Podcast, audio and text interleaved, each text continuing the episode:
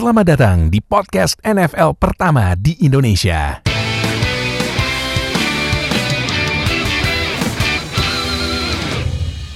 Baik sama gue Fadil host kalian di Zero Noise Podcast. Nah, kalau udah tahu setiap hari Rabu atau pertengahan minggu kita bakal upload podcast top 5 setiap posisi di musim 2020. Tapi sayang sekali buat hari ini uh, Oka sama Fadil Ayu berhalangan hadir tapi nggak apa-apa cuma berdua tapi pembahasannya tetap seru. Nah, sekarang bareng Nuha.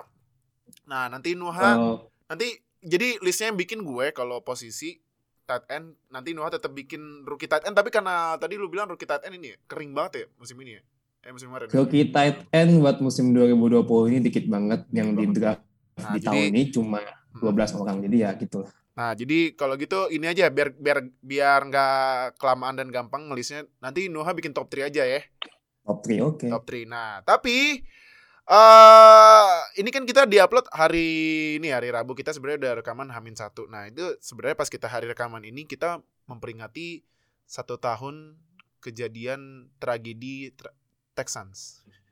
Karena tahun Aduh. setahun yang lalu itu WR sekaliber DeAndre Hopkins di trade ke Cardinals buat second round. Mari mengheningkan cipta. Jadi kalau gitu Seluruh buat memulai Texans. podcast ini mari kita mengheningkan cipta untuk memperingati tragedi Texans mengheningkan cipta dimulai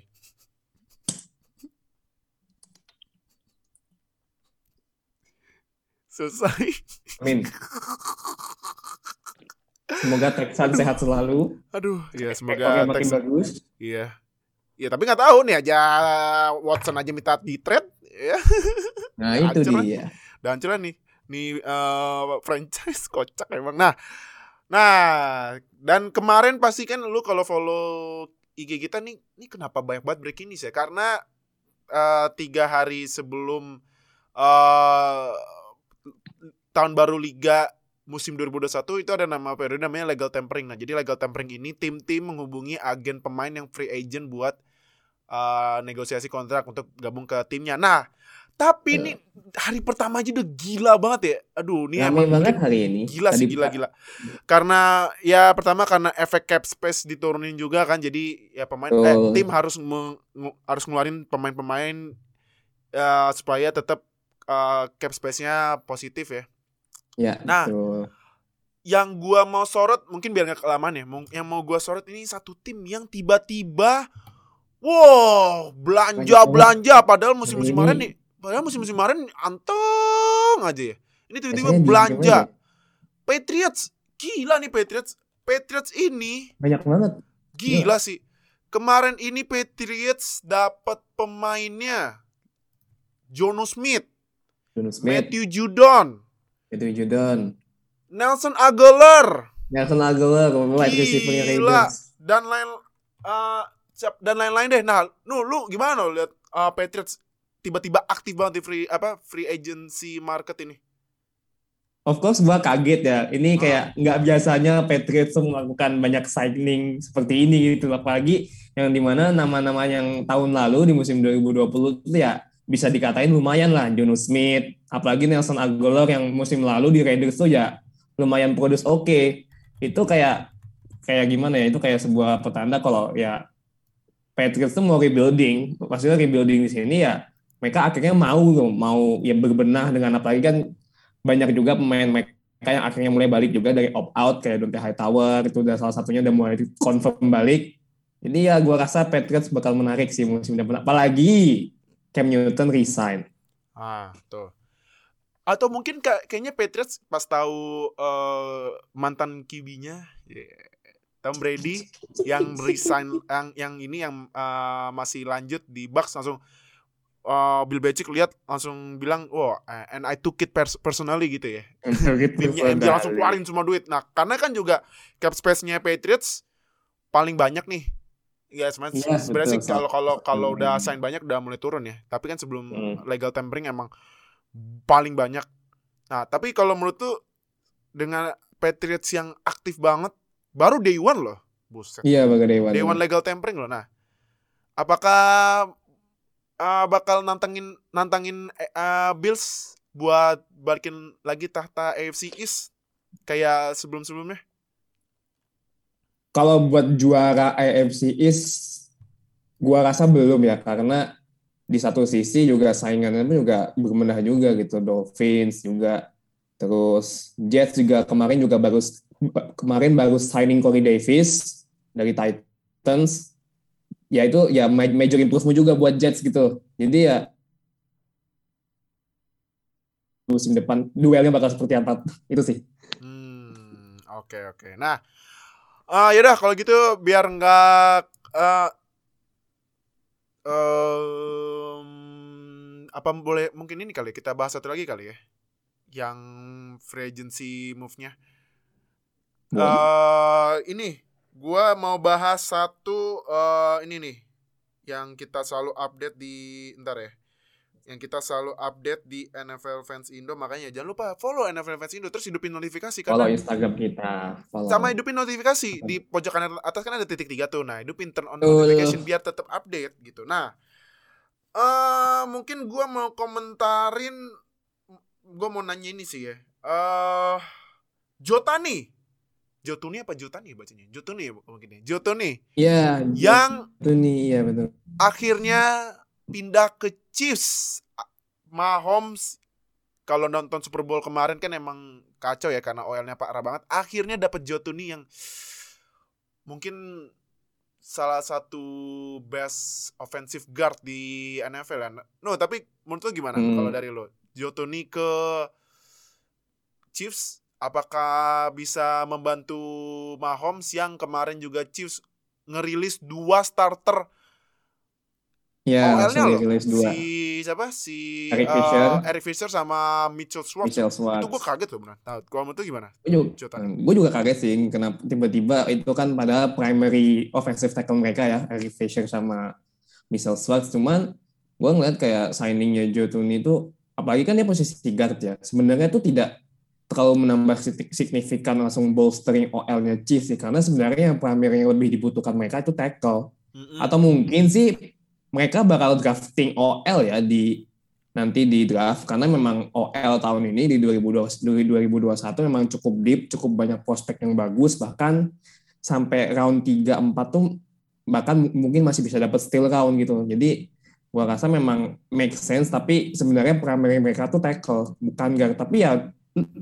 Chief dapat premium OL kayak nih ya nggak mungkin gak lu lewatin sih. Nah, iya makanya Jotu nih emang uh, lumayan ini ya hot name sih buat di free agency OL karena uh, ini apa? Karena kemarin kan di franchise tag sama Patriots ya. Terus hmm. Toto nggak lanjut. Nah, uh, jadi ya wah ini Joto nih ke Chiefs lumayan banget ya. Tapi kayaknya Chiefs ini kak, ini kayaknya di draft tetap cari OL ya mungkin. Kayaknya sih primary mereka bakal cari OL dulu sih. OL, ya? Soalnya kan secara weapon gue rasa udah cukup bang. Maksudnya untuk chip sekarang ya untuk masalah weapon itu udah menurut gue udah cukup sih. Nggak perlu nambah lagi, nggak perlu nambah wide receiver atau nambah running back atau tight end. Gue rasa udah cukup. Cuma memang masalah mereka sekarang di OL sih buat proteksi Mahomes aja. Oh oke. Okay. Nah yaudah. Berarti jangan lupa di ini di hari kedua legal tampering, wah lu harus tetap uh, stay tune karena nih free agency masih pergerakannya masih gila-gilaan. Apalagi beberapa pemain kayak Kenny Galladay, Trent Williams, Juju, Juju Smith Schuster masih available loh. Will Fuller, Uh, Curtis Samuel dan lain-lain masih belum punya tim loh. Jadi udah ja, uh, tetap stay tune karena nih wah lu kalau ngikutin free agency NFL tuh free agency NFL gila, gila, gila, gila, gila, gila, gila. Ya udah. Begitu Langsung aja ya kita mulai top 5 tight end musim 2020. nah, gua mulai dari gua dulu ya. Karena nih ya. uh, walaupun Fadil Ohio sama uh, Oka nggak datang, mereka tetap ternyata titip list. Nah, gitu. Jadi, kalau peringkat 5 gua nih, peringkat 5 gua tight end dari tim yang selalu sial ya. Tapi dia mainnya kemarin bagus banget loh. Gue nomor 5 TJ Hawkinson. Nah, ah, Detroit Lions. TJ Hawkinson karena menurut gue dia uh, walaupun di rookie year ini ya uh, cedera gitu kan, cuman di second year dia Hmm. main full dan oh ternyata mainnya bagus loh. Dan menurut gua uh, di samping Galladay sama Marvin Jones yang uh, ini juga ya, yang sempat cedera juga. Iya. betul. Jadi eh tapi ini eh TJ Hawkinson yang gerakin ini sih, gerakin eh sorry, eh kemarin Marvin Jones gak cedera sih. Marvin Jones eh, justru lumayan Marvin Jones 978 receiving ya saya sorry. Nah, tapi kan Galladay cedera, ya kan? Hmm. Nah, Iya kalau dia nah karena Galladay cedera menurut gua TJ Hawkinson yang eh mampu mengganti eh, perannya Galladay walaupun ya Hawkinson tight end tapi dia yang membantu pergerakin offense-nya eh, Lions gitu. Kalau menurut lu gimana? Kalau TJ Hawkinson?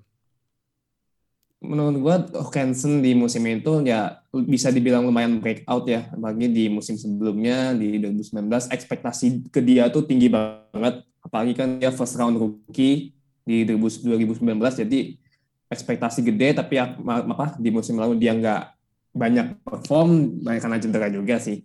Dan di musim ini juga gue lihat di dia mulai improvement terutama di ini ya di blok apa dengan blocking dia tuh mulai improve dari musim lalu terutama khusus khusus kan blocking ya dan juga kan secara receiving juga tadi kan Fadil udah sebutkan sekitar 970-an something itu itu kayak ya almost 1000 yard dan itu tuh apalagi di tight end 2020 yang tembus 1000 yard tuh ya cuma dua cuma dua tight end doang ya, ya kalau Hawkinson hampir menembus 1000 ya itu udah cukup mendeskripsikan kalau si Hawkinson ini bagus terlepas di trade Lions yang timnya ya begitu. Hmm. Lions ya. Aduh. Nah, eh next kalau dari Fadel Ohio dia pasang oh peringkat limanya ini pemain yang sebenarnya lumayan banyak cedera tapi dia masukin ke peringkat lima lah. George Kittle, tight end termahal. Nah, nu Gitu. Gue George Kittle gue nggak masukin sih karena ya George Kittle ya walaupun George Kittle sekalinya main emang statsnya langsung meledak ya cuman dia kan Ya. cedera 8 game. Gue gue kalau masukin list tuh gue gak bakal masukin pemain yang cederanya lebih dari 5 game sih kalau kalau gue tapi Hmm. Fadil Ohio masukin George Kittle menurut tuh uh, gimana George Kittle? Apakah pantas gak masuk list? Kalau gue sih kalau gue enggak kalau gue Well, make sense sih sebenarnya kenapa dia bisa masih masih ditaruh di top 5 karena memang secara receiving yard, secara statistik ya lumayan sih. Maksudnya bentar bentar ini statistik gimana Saat- ya? ah, cuman gini ah, George Kittle nih gue cek emang 8 game aja udah bikin 634 receiving yards itu kan makanya gue bilang tadi kan George Kittle Ah, iya. sekalinya main statsnya gila banget. Cuman ya gue masih nggak Hmm. masukin gitu karena ya dia cedera 8 game gitu. Kalau lu gimana? Mungkin karena secara ini ya, secara influence dia di tim ya kayak Niners itu musim ini tuh emang bener-bener ya bisa dibilang offense-nya tuh berantakan banget lah. Nggak cuma secara defense, offense pun juga nggak bisa terlalu banyak harapin. Jimmy Garoppolo cedera, Jimmy Garoppolo cedera, terus juga banyak pemainnya yang bolak-balik masuk rumah sakit. Braden dia juga cedera, habis itu tapi main dia bagus. George Kittle masuk lagi tuh kayak ya he someone who can rely on gitu. Jadi kalau jadi ya Niners tuh ya main safety blanketnya ya George Kittle. Kalau nggak ada George Kittle, mungkin eh, mungkin offense-nya terutama blocking ya untuk kan apalagi kan George Kittle itu salah satu tight end yang punya yang pack, complete package yang blocking bisa, receiving bisa, tapi badannya gede. Mhm. itu ya jadi itu kayak ability yang kalau di compare sama Travis Kelsey ya secara physicality kita jauh lebih unggul dari masalah physicality-nya dia.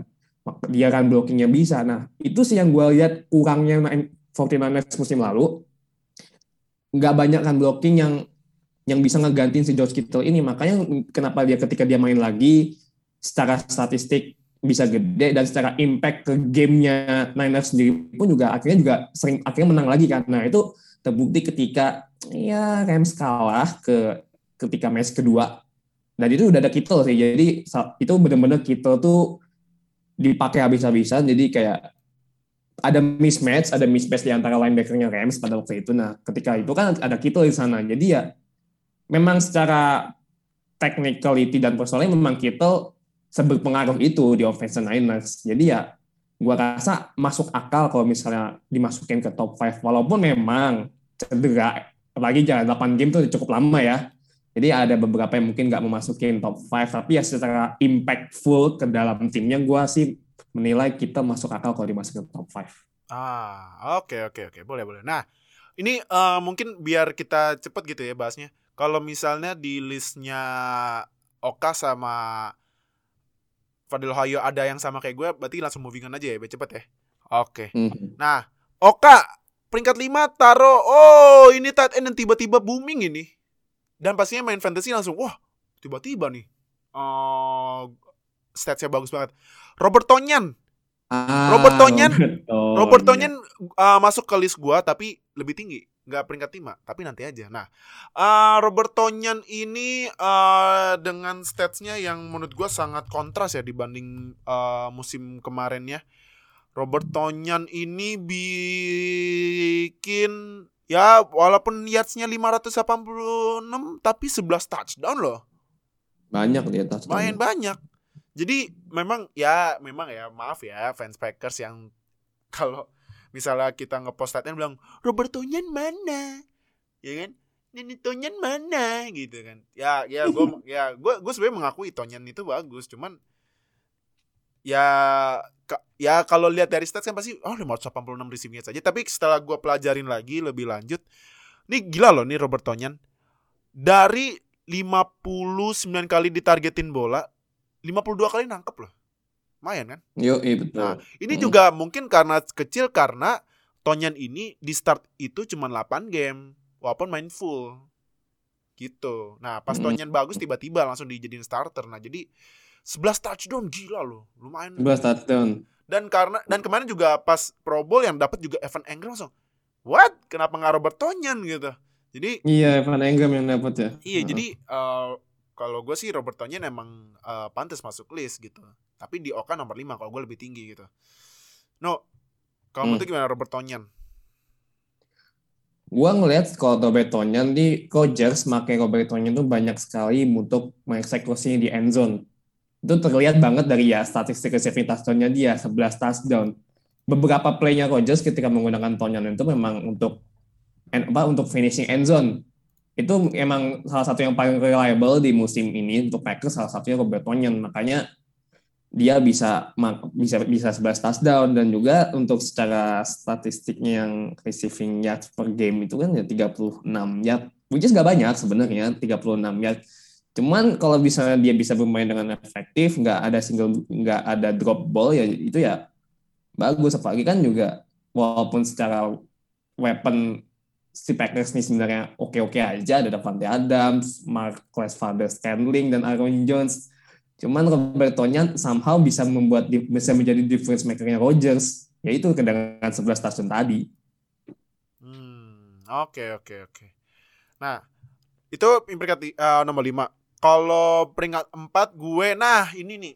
Ini tight end yang menurut gue sangat dipandang sebelah mata.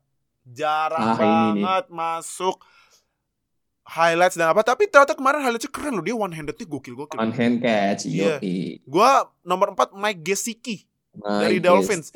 Karena uh, Dolphins uh, kemarin uh, ya walaupun sayangnya ini ya uh, winning record tapi nggak masuk playoff juga.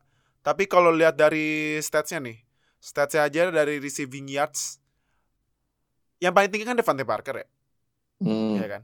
Yang kedua Mike Gesicki loh, 703 receiving yards, 6 touchdown loh. Dia uh, touchdown terbanyak, receiving touchdown terbanyak di Dolphins. Jadi kalau dia kan uh, sekarang musim ketiga ya. Musim depan hmm. kalau misalnya ternyata dia nggak di uh, franchise tag atau ya nggak di extend kontraknya, wah ini 2021 eh 2022 nanti mungkin banyak yang rebutan Mike Gesicki karena menurut gue Mike Gesicki itu Mike, Mike Gesicki ini lumayan loh, lumayan banget. Uh, oh, ini juga uh, walaupun gak main satu game tapi impactnya ke offense-nya Dolphins tinggi loh. Selain Devante selain Devante Parker gitu. Jadi gua eh pasang Mike Gesicki di peringkat 4 yang gua cek titipan dari podcaster gak ada yang masukin Mike Gesicki gue sampai bingung loh kok gak ada yang masukin Mike, Mike Gesicki ya? Kenapa ini nah itu spoiler dikit ya tapi nanti uh, gua kasih tahu lagi uh, list lain kalau menurut gimana Mike Gesicki Mike Gesicki, gue ngeliat tahun ini tuh emang Mike Gesicki itu kayak breakout year-nya dia ya. Dapat di musim lalu kan dia cuma 570 yard dan 5 touchdown. Di musim ini juga naiknya 200 yard itu ya it is a major improvement for Mike Gesicki and, and a Dolphins secara offense. Apalagi juga offense-nya Dolphins pun juga sebenarnya juga musim ini terbilang bagus juga. Dengan ya Devante Parker-nya akhirnya juga mulai bagus lagi.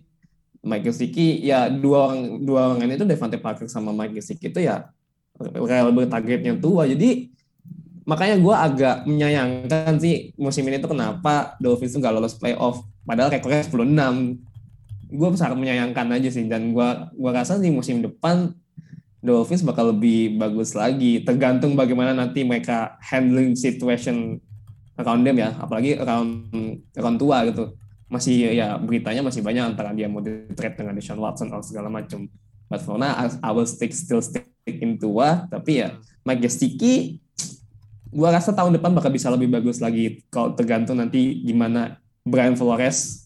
Gua rasa Brian Flores pun juga semakin ke sini semakin terlihat kalau dia tuh coach yang oke, okay, nggak cuma sekedar mantan coaching ternya Bill Belichick aja, tapi dia juga capable untuk leading a team, untuk bikin ya untuk untuk leading tim to to be a winner. Gua dan Flores bisa ke arah situ. Jadi ya menarik Dolphins musim depan. Ah oke okay, oke okay, oke okay, oke. Nah uh, Mike Gesicki gue di gue taruh di ke empat. Nah uh, kalau Oka nih keempat naruh hmm gue gue pas lihat list dia serius gitu dia naruh Mark Andrews loh kalau menurut gue Mike, Mark okay. Andrews menurun loh. Lumayan menurun okay. daripada musim ke musim ini ya 2000 Iya sebenarnya sih ya nggak nggak menurun banget ya sebenarnya 701 receiving yards 7 touchdown juga cuman gue lebih prefer Mike Gesicki gitu. Nah, tapi kalau menurut gimana? Kalau Mark Andrews? Mark Andrews musim ini tuh emang kalau lihat, lihat secara statistik ya 701 kalau dibandingin sama musim lalu emang kayaknya itu kayak down apa kayak turun yang tahun lalu 852 ya sekarang cuma 701 itu sebenarnya juga bukan hanya dari faktor Mark Andrews-nya aja itu karena lebih gimana Ravens itu musim ini itu juga offense itu nggak banyak jalan apalagi kan OL mereka banyak yang cedera juga kan kondisi Stanley cedera jadi jadi memaksa dalam tanda kutip memaksa Lamar Jackson untuk lari ya. Jadi ya technically yang main running back ada dua, main Ravens untuk running back dua, jadi mau nggak mau lebih banyak leaning Lamar Jackson buat lari. Passingnya tuh kalau nggak ya kayak ke Marcus Brown atau ke ya receiver receiver, receiver mereka juga sebenarnya an ini ya kayak kurang reliable. Jadi ya terlalu sering menggunakan RPO dan ya salah satu target yang reliable yang di Ravens untuk musim kemarin ya cuma Mark Andrews sama sama running back mereka. Jadi sebenarnya kalau mau dilihat secara statistik emang menurun, cuman secara impactful justru Mark Andrews yang paling yang paling reliable dan mungkin bisa dibilang kayak number one primary targetnya si Lamar Jackson ya si Mark Andrews ini bukan Marquis Brown, bukan Willis Need atau mungkin bukan J.K. Dobbins atau Mark Ingram jadi yang benar-benar di sama Lemar ya technically ya cuma Mark Andrews walaupun secara statistik statistik menurun ya tapi impactnya dia ya masih ada di di Ravens. Ah oke okay, oke okay, oke. Okay. Cuman gue masih ya Mark Andrews memang masih bagus cuman gue lebih prefer Gesicki sih ya. Dan hmm. sorry sorry aja nih gue nggak masukin Mark Andrews karena uh, di atasnya Gesicki menurut gue top 3 yang emang lumayan menonjol sih gitu. Nah, tapi kita ke listnya si Fadil Ohio nih. Fadil Ohio itu keempat, bentar, uh, keempat itu Dia naronya si Tyler Higby TE lu. Nah. Tyler Higby. Tyler Higby kemarin itu statsnya adalah 521 receiving yards, 5 touchdown yang menurut gua kalau menurut gua ya Hmm. Slightly decreasing kalau menurut gue Higby. Karena Cup sama Woods ya lagi-lagi dan lagi-lagi ya. Dan Yeah. tapi tapi yang ngaruh juga karena Jared Goff-nya eh gitu kan. Nah, Hmm. tapi nah coba pendapat tuh sebagai fansnya Rams gitu. Kalau gua ngelihatnya kalau si Tyler Higby dia untuk musim ini lebih banyak dialih fungsikan menjadi blocking tight end. Jadi fungsinya si Ty- Higby musim itu lebih banyak dipakai buat blocking tight end, apalagi dengan skema offense-nya McVay yang masih dengan heavy running, dengan heavy running yang masih sangat ya oke begitu. Jadi jadi untuk ngebuka jalurnya running back buat lari, apalagi kan running back-nya musim lalu Rams itu kan running back running back by committee ya, gonta-ganti mulu. Akers-nya cedera, terus Akers cedera, terus juga Daryl Henderson, terus Malcolm Brown. Jadi mau nggak mau si McVay harus bisa nge-utilize running back mereka dan ya so far sih berhasil. Ya, Makanya secara statistik, secara statistik High Higby untuk receiving yardnya emang menurun cuma 521 yard dibanding musim lalu yang 734. Cuman untuk jumlah touchdown-nya cuma untuk jumlah touchdown si Higby kan 5. Emang selain dipakai buat blocking buat blocking untuk blocking untuk end, untuk eksekusi end untuk eksekusi end zone si Higby ini memang yang cukup reliable untuk dipakai buat di end zone. Jadi makanya ta- makanya jumlah touchdown dia meningkat walaupun cuma dua, tapi ya itu juga impactful lah.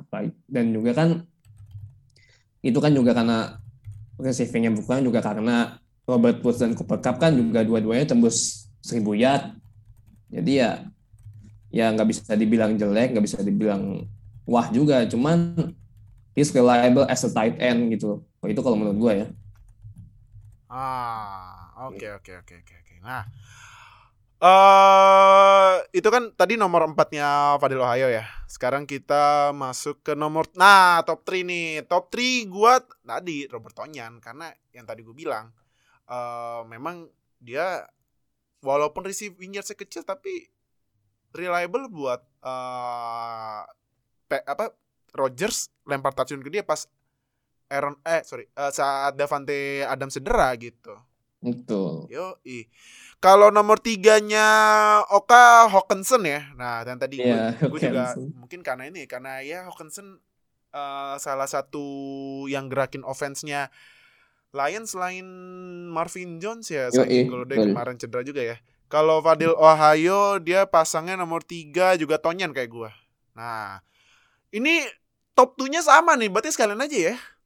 Ya, sekalian aja. Nah, peringkat duanya kita sama-sama pasang Darren Waller karena Darren Waller jujur gini ya. Gua ini receiving corpsnya Raiders gua akuin Nelson Aguilar jauh jauh jauh jauh lebih bagus daripada pas dia di Eagles ya. Kan. Aguilar di, diceng-cengin kan. Cuman lagi-lagi Waller ini wah gila sih Darren Waller. Dan uh, receiving yards-nya mungkin naik dikit ya. Pas tahun 2019 kan dia 1145 receiving yards. Tapi Hmm. touchdown 3. 2020 seri- uh, receiving yards 1196 ya, cuman naik uh, 51 yards. Tapi touchdown naik 6 loh. Jadi 9 total 9 touchdown loh. Jadi uh, menurut gua Darren Waller uh, ini kalau misalnya dibandingin siapa yang punya pengaruh paling gede di offense passingnya Raiders sela uh, gue sih jawabnya Darren Waller karena uh, Nelson Aguilar walaupun dia kemarin itu statsnya ini ya kemarin tuh dia statsnya 896 receivingnya 8 touchdown kan jauh banget kan pas zaman dia di Eagles. Tapi ya ini receivingnya juga kecil karena uh, nangkepnya kecil ini karena ya dia kebanyakan nangkepnya long pass gitu Hmm. Iya, jadi kalau uh, Darren Waller ini buat medium pass buat uh, naikin yards after catch-nya lumayan tinggi gitu. Jadi gua Makanya gue pilih Darren Waller dan uh, Fadil Hayo dan juga Oka. Coba kalau menurut gimana? Darren Waller. Darren Waller. Hmm. Kalau gue disuruh pilih top 2-nya tight end sekarang, nih nomor 2 juga juga akan pilih Darren Waller juga. Karena memang secara statistik ya udah disebutin 1196 passing yard, 9 touchdown dan receivingnya di India nangkep bola 100, 107 kali. Ya berarti ya si Darren Waller ini ya menjadi primary target Derek Carr dan dan juga dari ya gue sih ngelihat di beberapa match Raiders ya, itu memang Derek Carr sangat rely ke, sangat rely ke Waller untuk ya at least nggak hanya cuma untuk check down aja untuk short route untuk mid untuk mid, untuk middle route bahkan untuk beberapa opsi slot pun somehow juga Darren Waller yang dipakai gitu. Apalagi juga salah sa- Darren Waller tight end yang juga salah satu yang punya yang after catch dan receiving after catch yang paling yang paling yang salah satu yang paling bagus. Jadi gua nggak kaget kalau misalnya Darren Waller bisa dapat statistik segede itu. Apalagi jumlah touchdown dia sekarang meningkat. Jadi 9 touchdown berarti Darren Waller juga reliable in any occasion of the Derek Carr in any situation. Jadi kalau misalnya dia lagi butuh cari aman untuk apalagi kan sebenarnya kan Raiders ini untuk eksekusi end zone itu nggak bisa dibilang bagus ya di musim ini. Jadi ya mau nggak mau yang bisa direlay sama si Derek Carr ya Darren Waller ini untuk salah satunya untuk eksekusi end zone jadi gue nggak kaget kalau misalnya Darren Waller Darren, Darren Waller bisa sebagus itu lebih bagus lebih bagus lagi di musim kemarin. Hmm, oke. Iya sih karena eh ya pasti kan kalau tight end bahasnya ya Kelsey kita Kelsey kita teman kan kita cedera ya kan. Nah ini Waller lu harus masukin loh. Waller tuh kalau misalnya kita juga main menurut gue top 3 lah. Oke. Nah tapi nggak tahu nih musim depan kan Jono Smith ini sekarang jadi tight end termahal ketiga nih di liga ya dalam sejarah. Nah kita lihat ya bakal Jono Smith di Patriots bakal bagus nih musim depan. Gitu. Kita- Kita nggak tahu ya. Nah terakhir dah kenapa eh, ya Kel, Kel apa lagi yang mau dikomentarin sama Travis Kelsey dia itu ah gila Dia tuh dia tuh bukan tight- receiver pak. Bukan- Dia itu tuh wide receiver bukan tight end. Iya, bukan tight end. Dia tuh wide receiver. Gila loh. Dia angkanya ini menandingi angka wide receiver loh. 1416 receiving yards, 11 touchdown. Ini angka wide receiver loh, gila ya. Ini angka wide receiver banget. Ini juga nggak main kan karena di, di, diistirahatin di week terakhir nih, ya kan? Mm-mm, Jadi, tuh. wah, eh gua ya Kelsey apalagi mau didebatin gitu loh.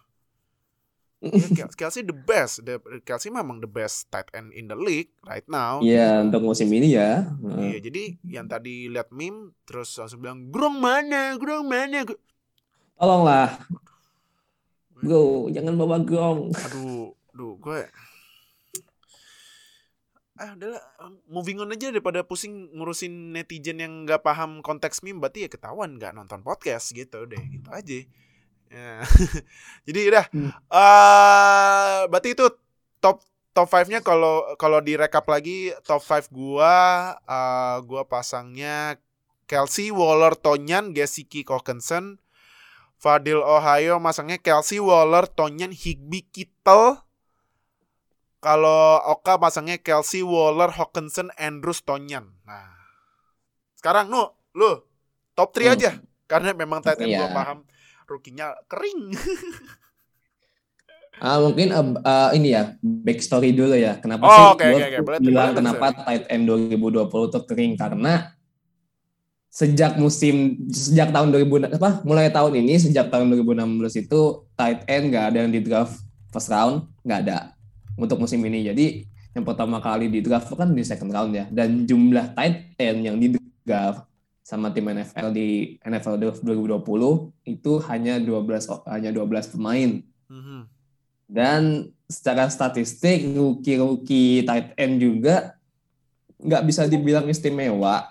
Bahkan mungkin ya biasa aja karena memang karena mungkin ini kayak ini kayak mungkin kayak tipikal rookie rookie tight end ya yang mungkin nggak terlalu bagus atau ya mungkin ya biasa aja di musim pertama di musim rookie. Tapi beberapa musim kemudian akhirnya si tight end ini bisa bagus lagi ya. Contohnya contohnya aja deh Travis Kelsey dia di draft di round berapa sih? Gitu. Ah.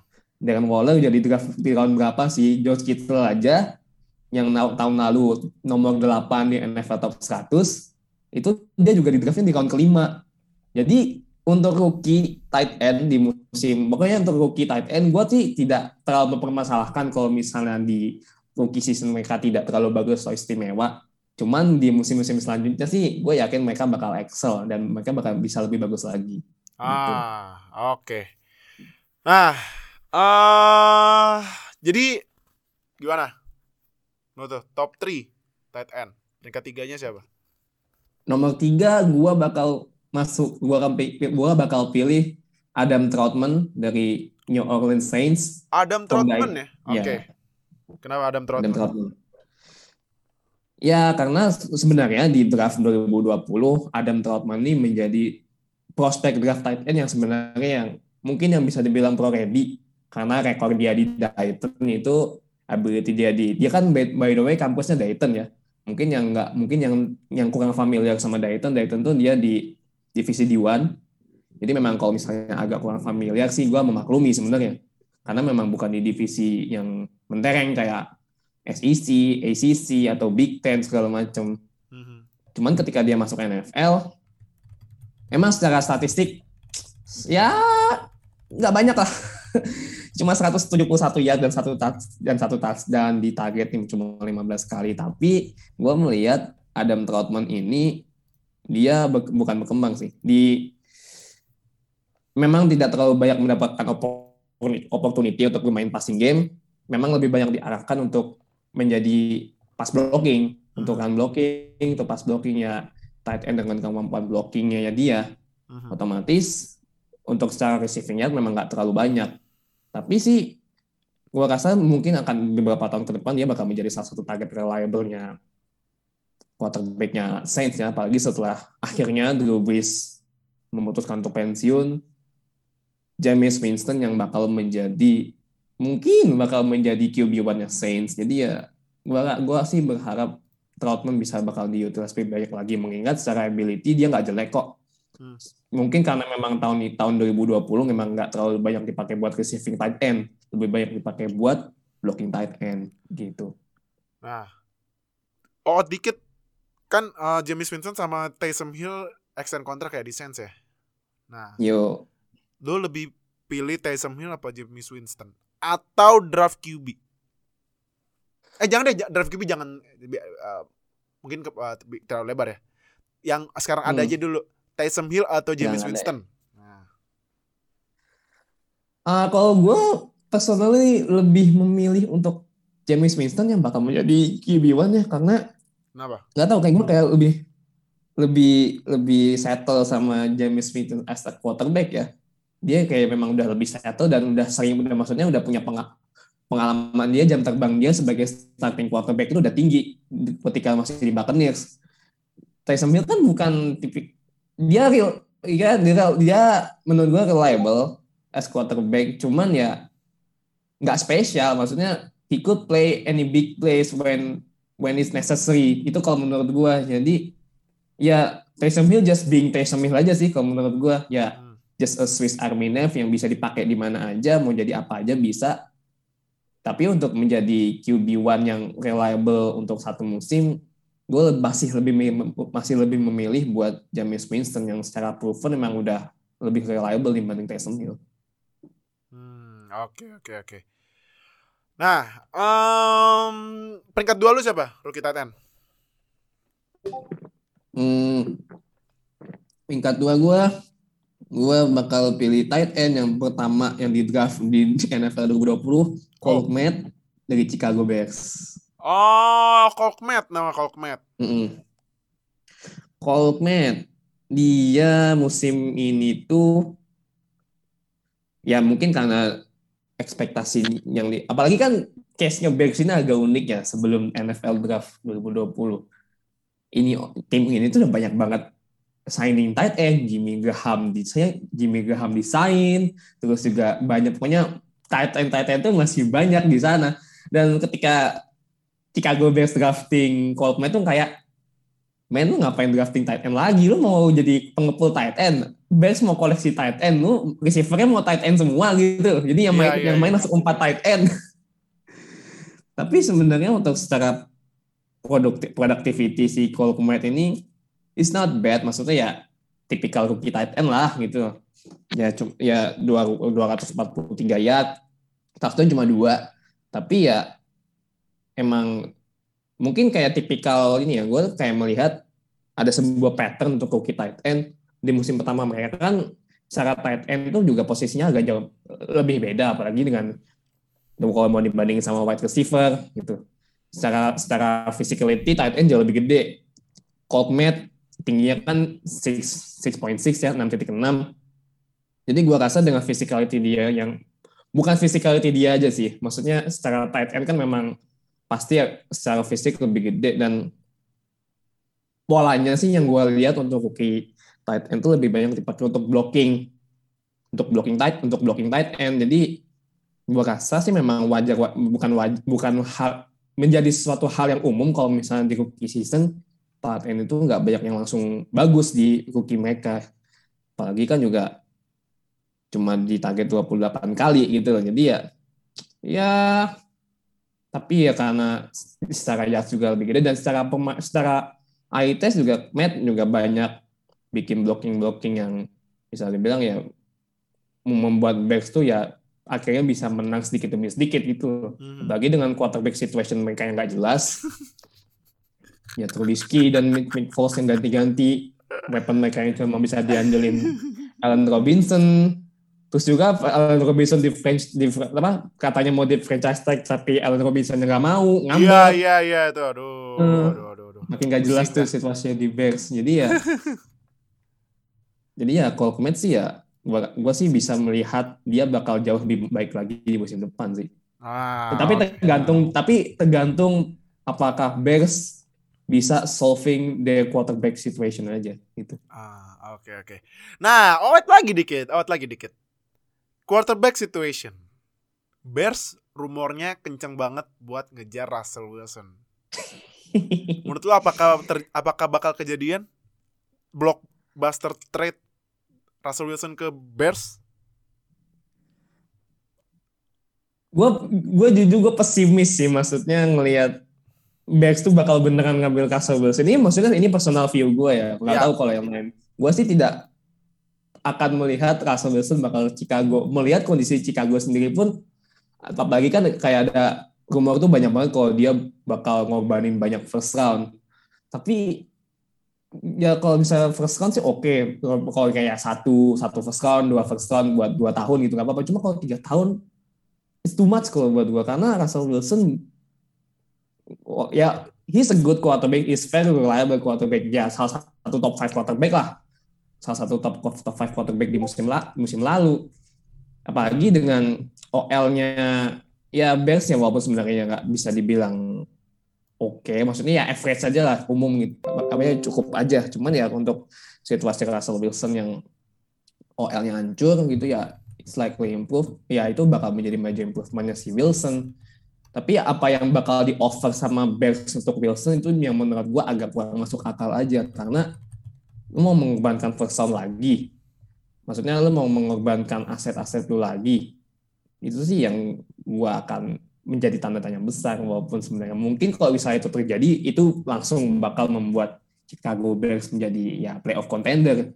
Cuman gua nggak gua tidak melihat ke arah situ karena nggak worth aja kalau misalnya yang ditukar sama Wilson itu asetnya dengan tiga first round. Mungkin bahkan ada yang bilang lima first round. Sangat gak worth it buat gue Hmm, oke okay, oke okay, oke okay, oke. Nah, jadi peringkat pertama siapa? Rookie tight end. Rookie tight end peringkat pertama gua. Gua pilih yang di pick round 4, pick 115 sama Cleveland Browns, Harrison Bryan. Harrison Bryan Browns ya? Iya, Harrison Bryan Browns. Kenapa? Secara statistik 238 ya, tiga touchdown, uh-huh. terus dengan 24. Dia, 24 dia main full nggak sih? Main, Hah? main main full nggak sih? Harrison dia main 15 game. Tapi walaupun uh-huh. dia main secara main 15 game, cuman snap snap time-nya nggak banyak. Oh, snap time-nya kurang banyak ya, oke. Okay. Snap time-nya kurang banyak. Oke. Okay. Karena ya ya kondisi tight end sendiri tight endnya Brown itu juga udah udah menurut gue udah oke okay gitu loh. Maksudnya ada full, ada Davin Joku, ada ini Austin, ada Austin Hooper juga gitu. Jadi tapi ketika dua orang ini kan apalagi ada ada ketika kayak tight endnya cedera gitu. Nah, Harrison Bryant itu yang mengisi kekosongan kekosongannya dari dua tight end itu dan dia bisa mengisi kekosongan itu dengan ya memang sih tadi ya yang gue bilang tadi ya polanya rookie end itu lebih di musim season pertama lebih banyak dipakai untuk menjadi blocking tight end. Dan gue melihat di Harrison Bryant pun juga seperti itu. Dia selama 590 snap itu ya lebih banyak dipakai buat blocking. Walaupun sebenarnya kayak blockingan itu underrated sebenarnya. Dia memang secara secara skema secara yang Kevin Kevin Kevin Stefanski juga sebenarnya juga dipakai buat receiving touch receiving tight end dan gue sih ngeliat ceilingnya dia sih cukup cukup tinggi ya setelah ngeliat performance performance dia di musim 2020 hmm. ceiling dia menurut gue cukup tinggi untuk bisa menjadi salah satu tight end yang produktif dengan receiving touchdown dan receiving yard. Gue melihat Harrison Bryant bisa menuju ke arah sana kalau memang diutilisasi dengan baik ya. Gue sih tidak di, di rookie tight end, maksudnya rookie rookie tight end itu memang ya wajar-wajar aja sih kalau misalnya statistiknya nggak nggak wah-wah banget gitu ya. Ya bagi nomor satu gue juga statistiknya cuma 200 200 berapa cuma 200 iya sih 238 yard doang ya. Iya sih. Ya kalah dong dibandingin dengan ya misalnya kayak receiver receiver rookie yang lain tapi ya it's a, it's a good progress ngeliat Harrison Bryant apalagi yang paling banyak diutilize pun juga si Harrison Bryant yang secara ability sebenarnya sedikit lebih komplit dibandingkan dengan sisa tight yang lain karena yang lebih ter, yang lebih dipolis untuk receiving touch receiving receiving yards-nya rookie tight sekarang ya Harrison Bryant yang paling bagus. Itu terkait dari musim ini sih. Itu. Hmm, Oke. Okay.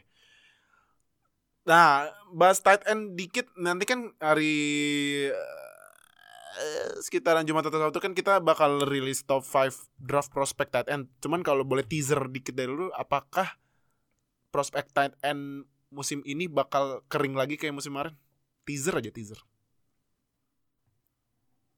Yang pro ready yang NFL pro ready yang maksudnya secara talent itu ya wah paling bagus lah itu udah paling ya cuma satu atau dua atau tiga tiga pemain aja gitu yang benar-benar kalau yang maksudnya secara ability bagus ya itu ya mungkin yang satu dua tiga orang tapi yang benar-benar pro ready yang udah siap dipakai buat tim NFL yang yang benar-benar butuh tight end yang siap untuk menjadi tight end satu sih ya baru Kyle Pitts doang sih yang menurut gue yang paling oke okay untuk menjadikan NFL ready dan tight end nomor satu di tim NFL mana pun yang mereka draft itu Kyle Pitts. Hmm. Oke, okay, Kyle Pitts ya. Oke. Okay. Nah, tapi uh, buat rookie nanti aja tunggu pas kita uh, nanti kita ini uh, bikin uh, podcast top 5 rookie tight end prospect buat di draft nanti ya. Nanti hari Jumat atau Sabtu minggu ini. Jadi udah itu aja top 5 tight end musim 2020 gimana kalian yang tadi emosinya membara karena karena tadi meme-nya beda banget daripada yang kemarin-kemarin kan. Aduh, langsung aja tulis di komen yang nonton top 5 tight end versi lo di musim 2020 tulis aja nanti kita baca. Jadi udah kalau gitu, thank you udah nonton di YouTube jangan lupa subscribe ke konten sampai subscribe biar kita upload dapat notifikasi langsung nonton biar update sama NFL di Indonesia dan channel kita NFL Fans Indonesia. Tadi Nuha dan nunjuk di bawah jangan lupa join semua sosial medianya tuh semuanya ya. Nah, terus jangan dengerin di audio only di Spotify. Follow biar dapat notifikasi pas kita upload podcastnya. Nah, sama satu lagi. Ah, satu lagi. Nah, uh, ini gue mau kasih teaser dikit aja ya, bentar dikit aja. Hmm. Taruh, taruh, taruh.